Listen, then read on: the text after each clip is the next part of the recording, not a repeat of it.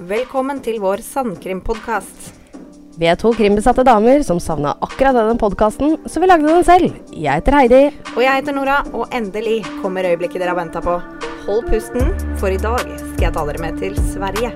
Vi skal reise tilbake i tiden og utforske Skåne, og vi skal snakke om Vebrødsmannen, eller Møllebrenneren, som han også blei kalt, eller bare Martin Svensson.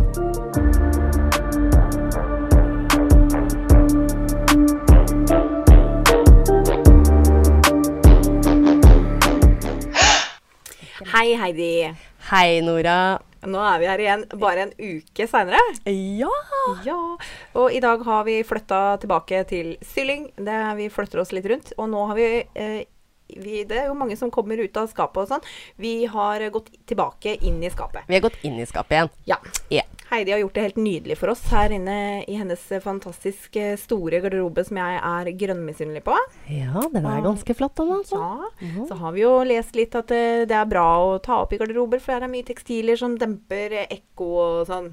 Ja. Jeg tror dette blir bra, altså. Litt trangt, men uh, vi har det Så koselig. veldig koselig. Da. Ja. Intimt og fint. Intimt og fint. ja. Um, så ja, lyden eh, blir jo bedre for gang, gang for gang. Mhm. Nesten allerede, sjøl om vi er på nå episode seks. Ja, det går fort. fort. Det er stor kontrast til første episode, sjøl om jeg føler jo kanskje at ikke vi veit hva vi driver med helt ennå. Men det kommer seg. Det gjør det. Fått Ja. masse hyggelige og gode tilbakemeldinger på at de syns lyden har blitt veldig bra også. Ja. Eh, ikke gode tilbakemeldinger på putefortet vårt, så du det? Altså, ja, jeg- så det. Hvilken oppgaveløsning. Jeg bare tenker, vi, vi tenkte Vi var så eh, på, liksom, med, med gode løsninger der. Ja, jeg syns vi var kreative. Ja. Kan vi ikke få litt for den? Nei. Litt creds der. Det fikk vi ikke. Boje sier nei. Ja, nei, Ja, nei. Men nå har vi støyskjermer, da. Vi har støyskjermer. De er veldig gode. Eh, jeg ante egentlig ikke Vi har sett eh, bare at de klistra det på veggen og sånn, men vi har det jo foran mikken, så. Men det har gjort seg, det, altså. Så det er jo, I mangel av studio, så har vi bare en studioskjerm. Det er jo genialt. Ja, Ja. det er det. Rett og slett. Så dette blir spennende. Det, ja, vi er Ja. proffe. Ja, ellers er du, er du trøtt i dag? Jeg er veldig trøtt. Jeg sto opp klokken tre.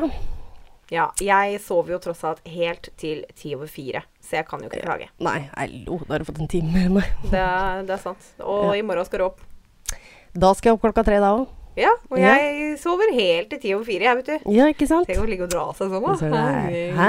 Ja, nå drar du deg. fælt det er nå gjør det. Det lønner seg tydeligvis å skaffe seg en annen jobb. Ja, ja, ja. Et lite vikariat internt. Det, ja, det Jeg skal lære av deg. Slipper å bruke uniforma. Det er flott. Ja, det òg. Hæ? Fy søren. Ja, ja. Eh, skal jeg det, Har du noe Har du noe du har lyst til å ta opp? Ja, jeg har bestilt uh, noen kopper, da. Ja. Ja, med logoene våre på. De var fete. De var dritkule. Men selvfølgelig syns jeg det. Ja, selvfølgelig. Vi, vi Vi er er vel- sjøl gode. Vi er vel forelska i logoen vår. Yes. Takk, Eirik. Yes, veldig. Så eh, vi skal jo få en hver, og så skal vi jo kanskje Kommer det en liten konkurranse til slutt, som vi kan gi bort en kopp? Ja. Så det er gøy. Vi har ikke fått dem riktig ennå, Nei. Det er lurt å vente med å gi de bort før vi har de. ja. Ja. Helt riktig. Så det, men det kommer. Mm. Det blir gøy. Det blir veldig morsomt. Så Nei, ellers så har jeg prøvd å henge opp litt plakater her og der. Både i Oslo, Drammen og Lillestrøm har fått litt plakater Ja. seg. Sprer eh, ordet på gamlemåten. Ja. Men det må gjøres, det òg. Ja, vi Ja. begynner å dra litt på åra, Ja, vi òg. Så ja. det er sånn jeg veit å rett og slett eh, få ordet ut. Første jobben min var å legge eh, flyers under uh, vindusviskeren på Ja. biler i Livin. Jo, men det er ikke så lenge siden jeg fikk det faktisk oppe i tiende etasje der hvor vi sto parkert. Nei, men jøss. Ja, da fikk jeg en ny frisørsalong som har kommet eh, til byen. Ikke sant? Mhm. Se, folk gjør det ennå. Ja, ja, ja. ja. Jeg hadde den jobben. Det er jo 20 Oi, fuck, det er 20 år siden. Ja, Ja, nei, nå følte jeg meg gammel. Ja. Vi er ganske nye på Facebook og Instagram og det som er så gamle. Nei da, det var et spøk. Ja, ja. Mm, nei, så vi må gjøre det litt på gamlemåten òg. Vi, Ja. vi er kreative der, syns jeg. Ja. Ja, I all beskjedenhet. ja absolutt. Og, og, og, dere, det, vi ser jo at seertallet var veldig, veldig høyt. Ikke veldig høyt, men det var eh, eh, en god, sånn god raus slump over 100 etter første på en måte prøvesmak, da. Prøveepisode. Mhm. Eh, og så har den sunket litt sånn gradvis. Og sånn er det jo, tenker jeg da. fordi at det, man, man veit jo at podden er der. Og episodene går jo ikke noe sted. Så det er litt sånn folk kanskje ikke har tid til å høre på, så hører de på en tre-fire i slengen, ikke Mm. sant. Så det skjønner jeg. Men uh, ettersom på en måte lydkvaliteten har gått oppover, så ser vi faktisk at uh, nå er vi på vei oppover igjen. Ja, det er veldig gøy. Det er veldig, veldig gøy. Ja. Men uh, Og vi, vi prøver liksom å få Jeg vet ikke egentlig motivasjonen vår for å gjøre det her, men eh, vi syns det er gøy, og det er jo gøy om folk gidder å høre på. Så hvis du har lyst til å tipse noen om denne poden, så hadde jo det også vært ganske fett. Mm.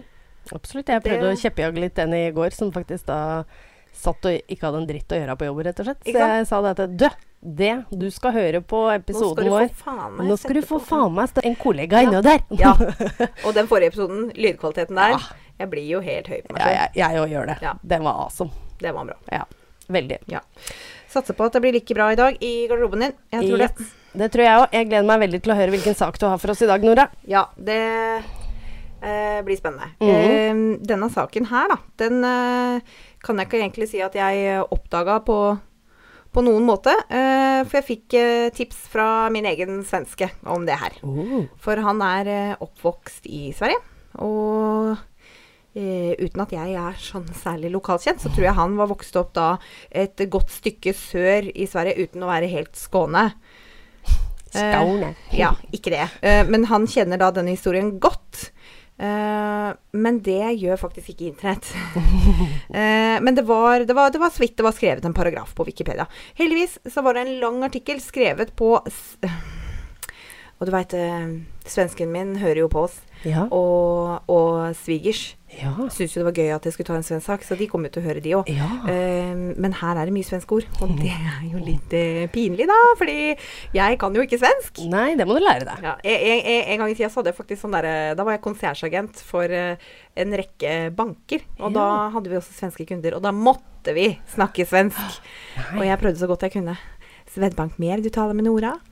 Wow, er- imponert! Oi! Ja. Nei, så vi, vi prøver å svorske litt her, da. Eh, som jeg skulle si, da, så var det en lang artikkel skrevet på en nettside som heter 'Svenska øden og eventyr'. Men ikke bli forvirra. Det er ikke noe eventyr. Det er en sann historie.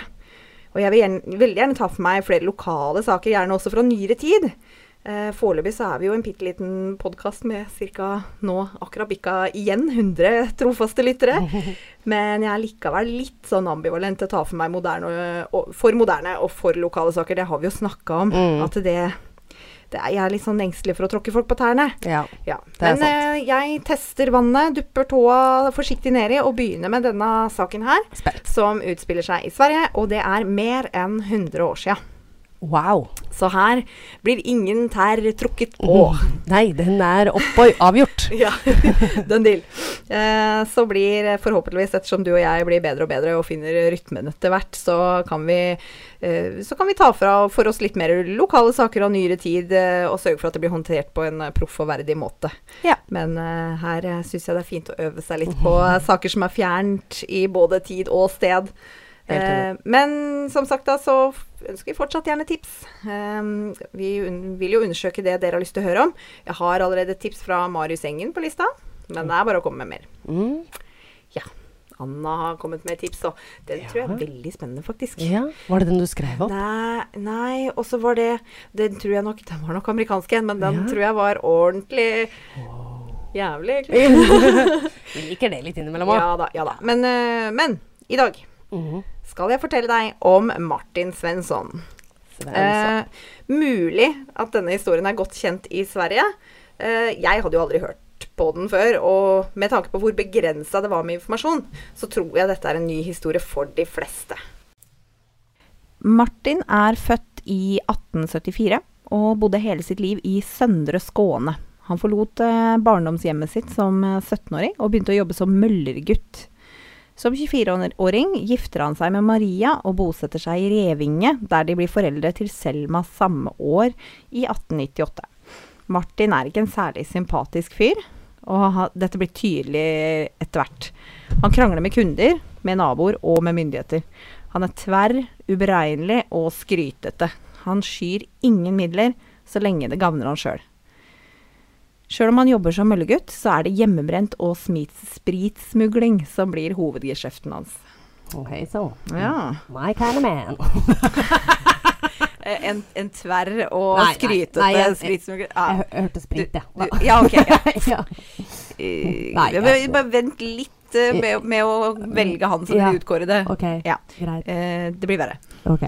Um, skal vi se Ja, så de bodde da i Revenge. Uh, de flytter igjen fire år seinere, i 1902, til Blentarpstrakten. Jeg er jo Altså, alt er i Søndre Skåne, OK? Ja. Jeg er ikke lokalkjent, du er sikkert ikke lokalkjent. Lytterne våre er sikkert ikke lokalkjente. Men vi tar noe med, da. Vi tar med. Ja, da. Nei, så han flyttet til Blentarpstrakten i 1902. Og der bor det en møller som heter Bengt Larsson, som er veldig godt likt av kunder og nærmiljøet generelt. Og Martin kom jo da i konflikt med han umiddelbart. Hm. Det ryktes at eh, Martin har uh, trua Bengt på livet. Så når. Prøv igjen. Det ryktes at, eh, at Martin trua Bengt på livet. Så når mølla til Bengt brenner ned på høsten, og han sjøl forsvinner sporløst, så er Martin mistenkt med en gang. Han sitter i fengsel, men han nekter for å ha noe å gjøre med det, så han slippes løs. Blant annet får han alibi av kona Maria. Altså, jeg kan ikke tenke meg Det var veldig enkelt å løse et mord i 1902. Nei. Ikke for å på en måte undervurdere den innsatsen som etterforskere helt sikkert må gjøre for egen maskin i dag òg, men uten mulighet til på en måte å sette sammen tekniske bevis, så skjønner jeg på en måte egentlig ikke hvordan saker noen gang blei løst. Nei, Nei det, der sier du noe, altså. Ja, det, du må jo må du ha en tilståelse, da. Ja. Det, det, det, virker jo nesten sånn. For Du kan jo ikke sjekke liksom hvem sitt blod er det her. Jeg aner ikke. Nei, nei jeg veit ikke. Det Fingeravtrykk veit jeg var veldig sånn Ja. Men det var kanskje litt seinere. Men uh, Nei, men altså, herregud, de hadde vel noe noe aske de kunne børste på og ja, da. ja, det er sant, det. Men det spørs hvor eh, lett det var å plukke Nei, jeg vet ikke. Nei, det, Du, det var, det var interessant. det var interessant. Eh, kan, gidder noen å google det, og så skrive svaret til oss på Facebook? Mhm. Takk. Takk for det. um, så den brannen i mølla til Bengt, da, og Bengts forsvinning, forblir uoppklart. Ja. Uh, familien eh, flytter ofte, og Martin bytter ofte jobb. Han eh, jobber innen eh, landbruk, eh, transport, og han er elektriker. Han var også telefonarbeidere.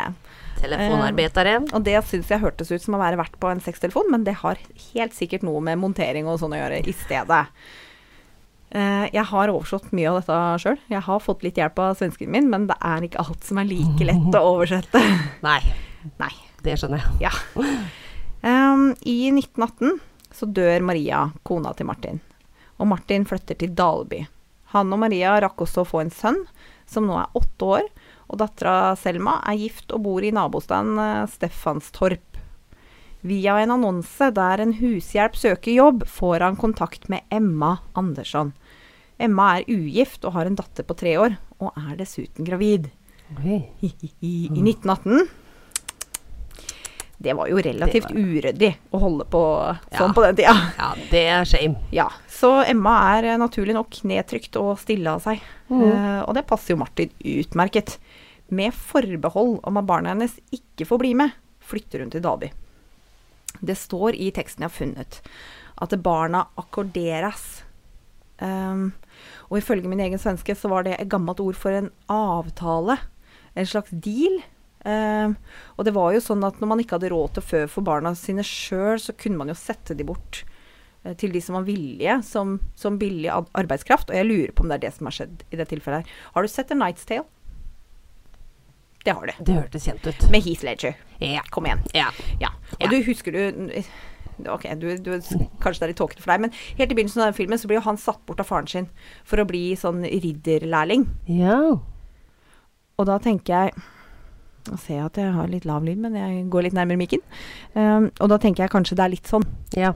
at, uh, at eh, du blir liksom satt bort for å få en opplæring i et eller annet yrke. Så i hvert fall unga til Emma jeg, blir ikke med. Nei. Um, og i liksom forsøket på å finne ut av hva accarderas er for noe, så har jeg snubla over en artikkel om eh, barnearbeid. Og jeg leste i Aftenposten at Norge brukte barnearbeid i større grad enn Sverige, England og Nei. USA.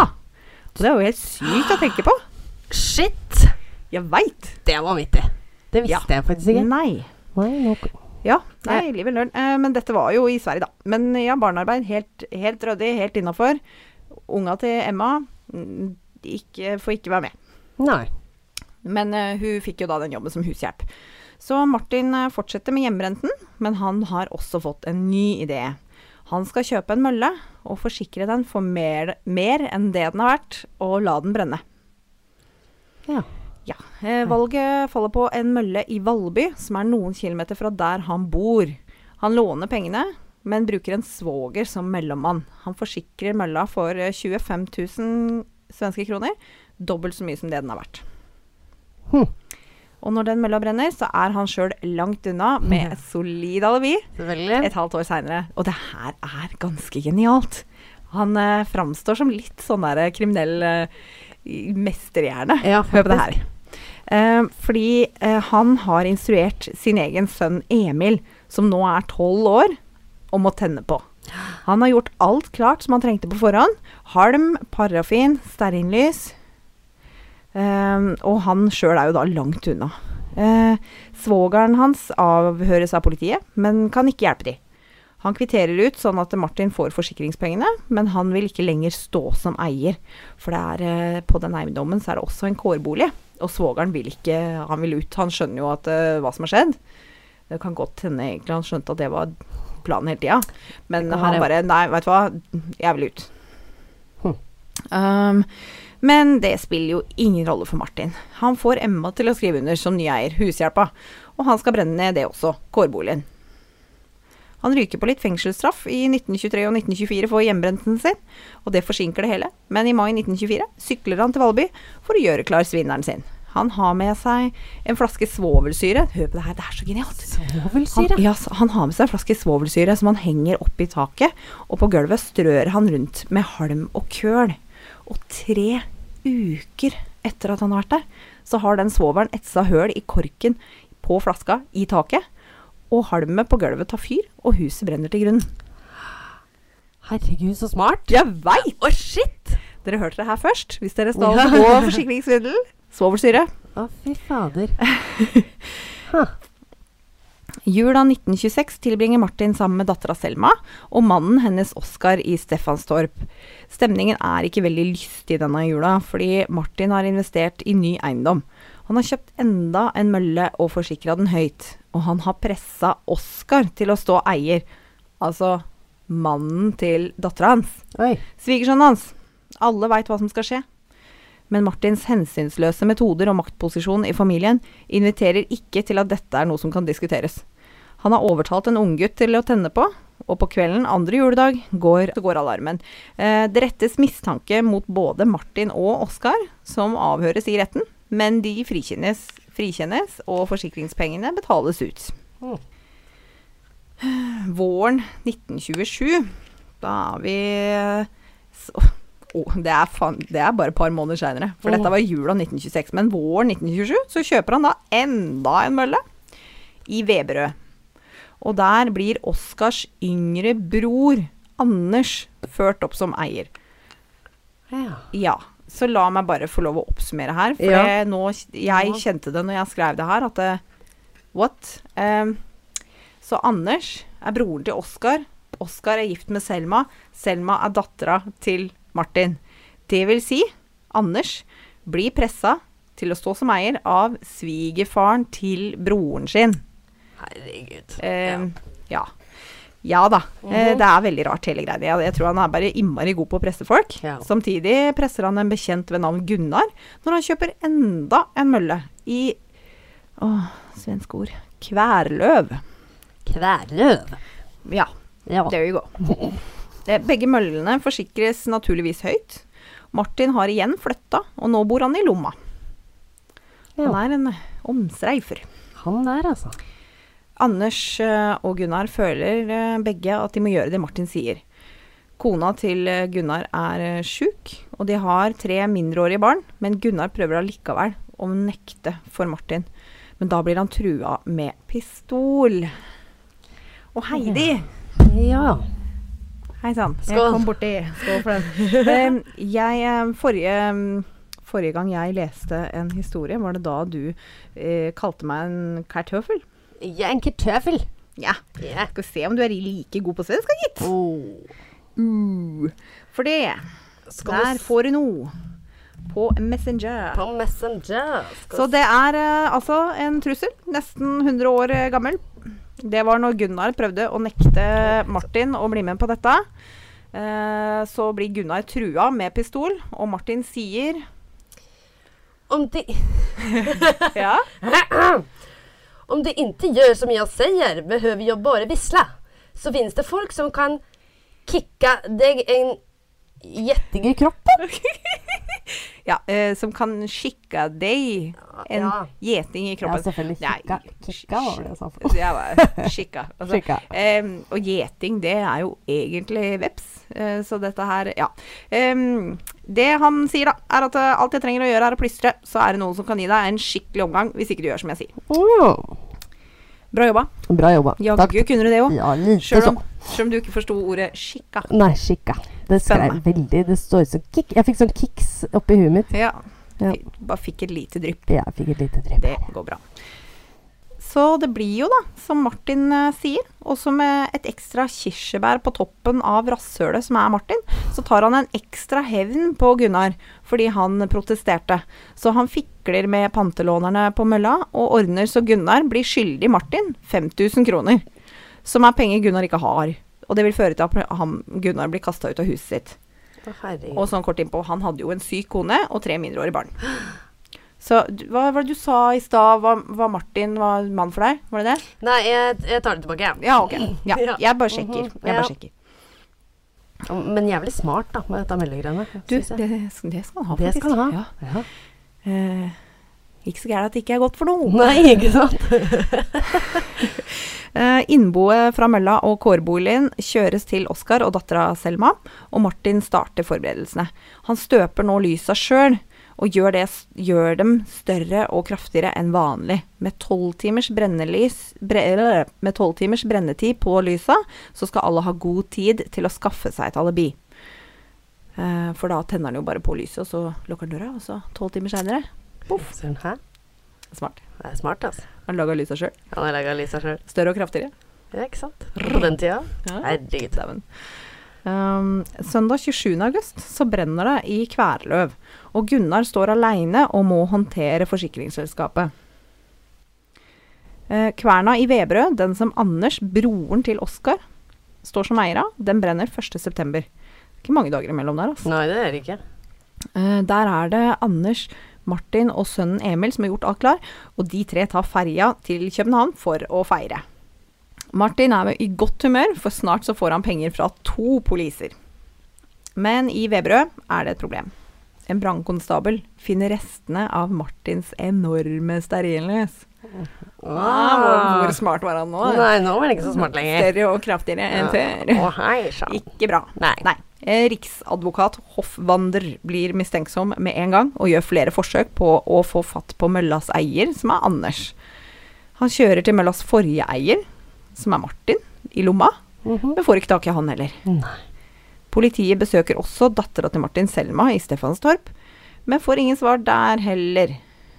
Uff da. De finner også ut at Emma, hushjelpa, har ikke gitt lyd fra seg til familien sin på over en måned. Oi. De bestemmer seg for å ransake huset til Martin i lomma, og der finner de halvbrente stearinlys, billetter til København, og kvitter eller, kvitteringene på billettene, og kjøpsdokumenter for samtlige møller. Oh. Burn. ja. Bokstavelig talt.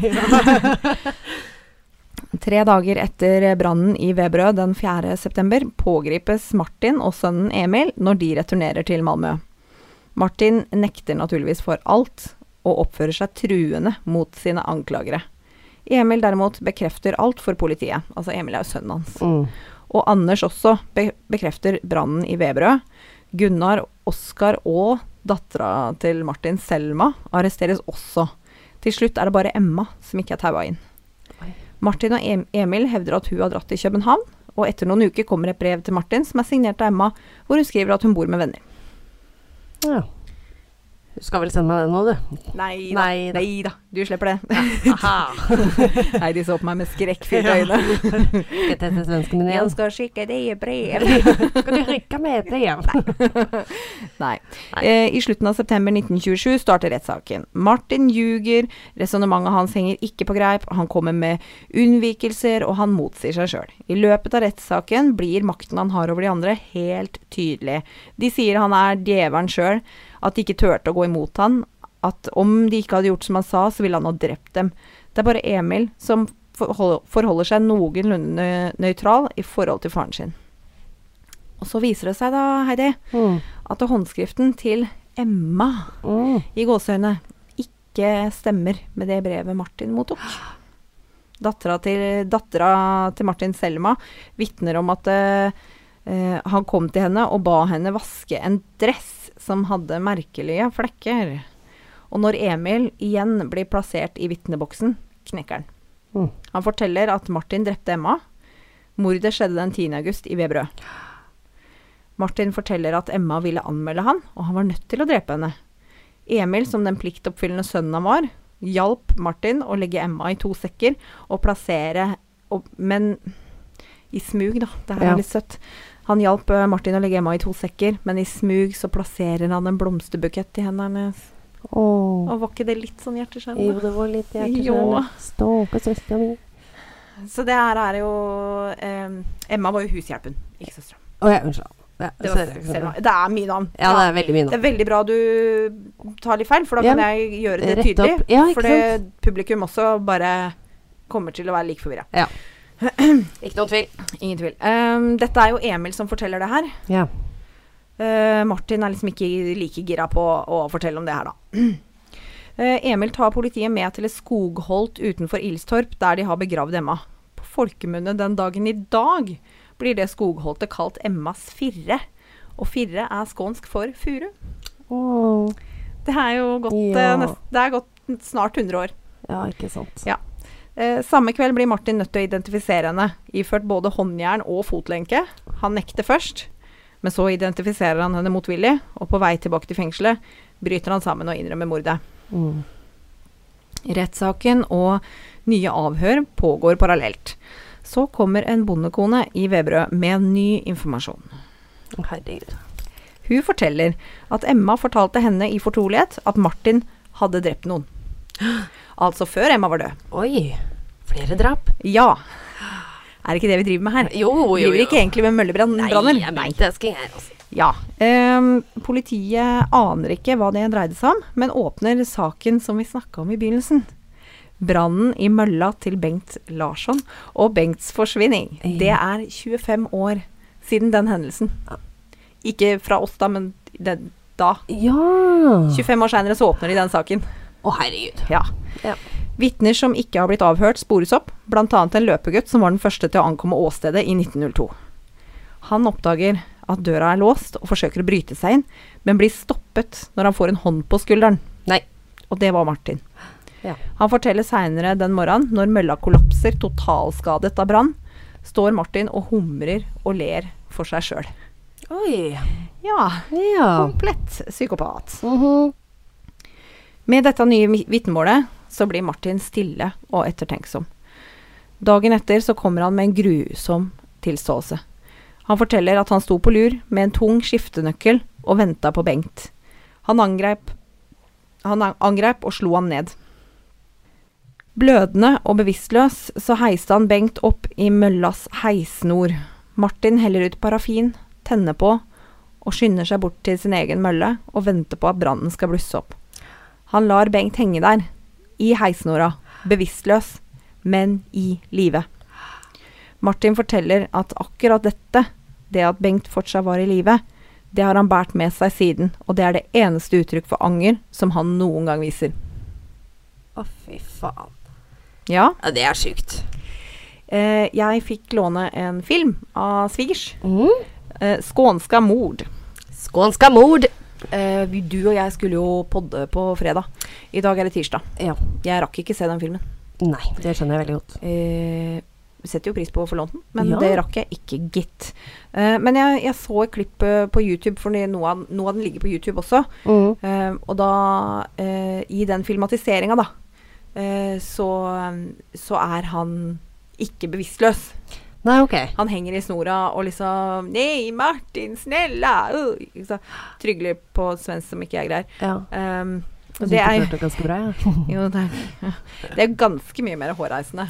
Uh, og på en måte hva som egentlig har uh, skjedd, Mm. det veit vi jo ikke. Det er jo ikke utenkelig at han kvikna til når det blei hett. Men vi kan jo håpe at han var bevisstløs til han døde. Ja, fy faen. Det må være det verste. Å rett og slett bli levende bremt, altså. Eller generelt Ja. Ja. Tenk så mange gjennom historien som har opplevd ja det. faen. Hekser og Ja. brent levende på bål. Nei, da drukner jeg heller, altså. Um, ja. Ja. Ja. Er ikke det jeg Sier de ikke at det er en ganske fredfull måte å dø på? De gjør det. De sier at du gjerne får panikk der og da. For, Ja. For det er et eller annet tydeligvis i Sverige som nekter for at du skal puste når du er under vann. Ja. Eh, men um, sånn bortsett fra det, så har jeg hørt at det er veldig fredfullt når du først uh, ja. lar deg ja, selv det er det jeg også egentlig har lest, da. Mm. Jeg har lest det. Ja. Mm. Ikke prøvd.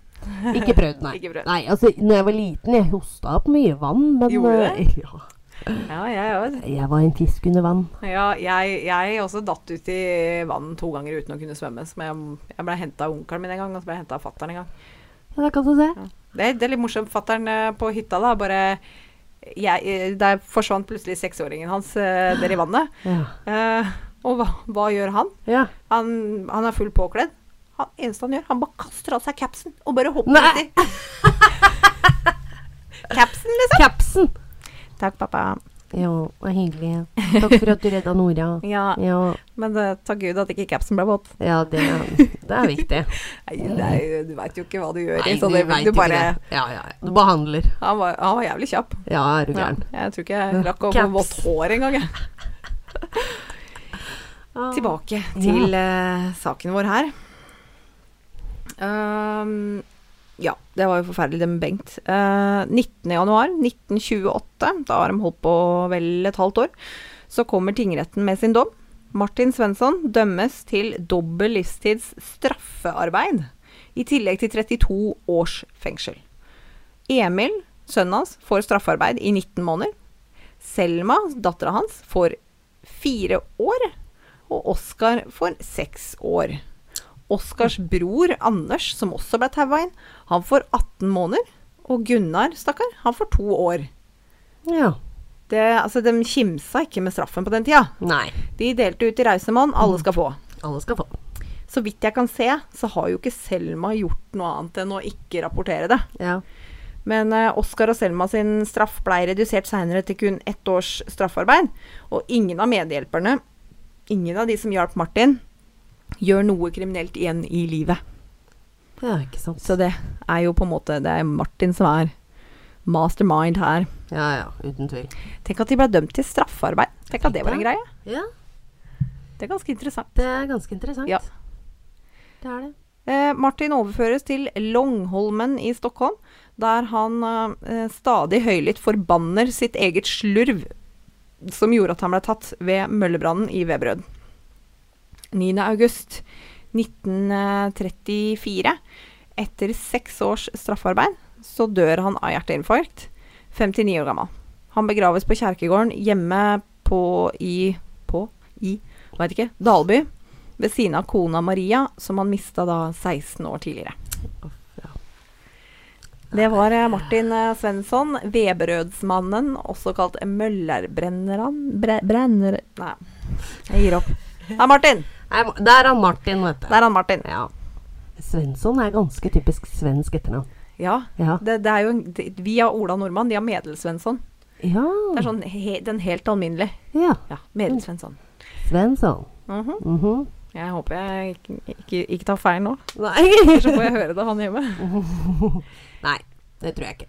Ja. Nei, det var veldig spennende sak. Det var litt annerledes. Ja, det var litt Men annerledes. men det var noen sånne twister og tørner her også. sånn som twister og tørner. Ja, Nora er glad på disse tvistene og tørnene sine. Jeg liker det. Ja, det skjønner jeg godt. Ja. Det var uh... Nei, nei, nå ble jeg fascinert, jeg. Ja, Ja. og neste uke så er det jo Eller etterpå, da. For Ja. vi spiller inn Toprapen igjen. Yes. Men uh, den uh, episoden som slippes om en uke, Mm. hva skal du fortelle oss der? Du, der skal jeg faktisk uh, fortelle Ja, skal jeg, skal jeg Du kan tease litt, grann, tease men ikke, ikke nevn noen navn, da, for da kan folk google på egen hånd. Ja. Bare fortell litt om når det skjedde, og hvor. Du, det skjedde i 2008, og det er en norsk uh, jente. Dan, dan, dan. Ikke sant? Så Ja. da er det bare å glede seg. Ja, så Nora, du har jo faktisk studert i England, da. Ja, Ja. på den tida. Ikke Ja. London. I Nei. Liverpool. Ja, ja. Ja. Unnskyld. Ja. Men uh, det er merkelig når du Du har mest sannsynligvis hørt om saken, men uh, Det er sikkert. du husker ikke så mye av han, sa du? Studentlivet, vet du. Var, hodet var proppa full av forelesninger og bra informasjon. Ja, det stemmer. Du var så skolesmart. Jeg var så veldig flink, Ja. vet du. Ja, men det er bra, det. Ja. Det er viktig. Men dere, eh, lik og del osv. Det er Hold pusten pod på både Facebook og Instagram. Kom med tilbakemeldinger, kom med ønsker. Send oss en e-post hvis du er gira på det. Det er holdpusten alfakrøll gmail.no.com, faktisk. com, ja. Og tenk at du kan bli den første som sender oss en eh, e-post. Vi har vel bare fått reklame-e-post der. eh, Vi har Så det. langt? Ja, Ja, ikke vi sant. Kommer reklame. Ja, Ja. Vi kommer til å legge ut bilder også på både Instagram og Facebook. det gjør vi. Det er litt morsomme Ja, bilder er til denne her. De er Ja. gamle, altså. Det er, Er det eh, svart-hvitt? Ja, men det er mange bilder. Uh, Ja, så Det blir gøy. Ja, ja, ja. Nei, men det er kjempeflott, det. Da gleder vi oss uh, til uh, vi publiserer om en uke. Ja, eh, og så gleder jeg meg til din sak. Ja, det blir gøy. Om hun norske. Om hun norske. Så vi høres, folkens. Det gjør vi. Takk Ha for i dag. Ha det.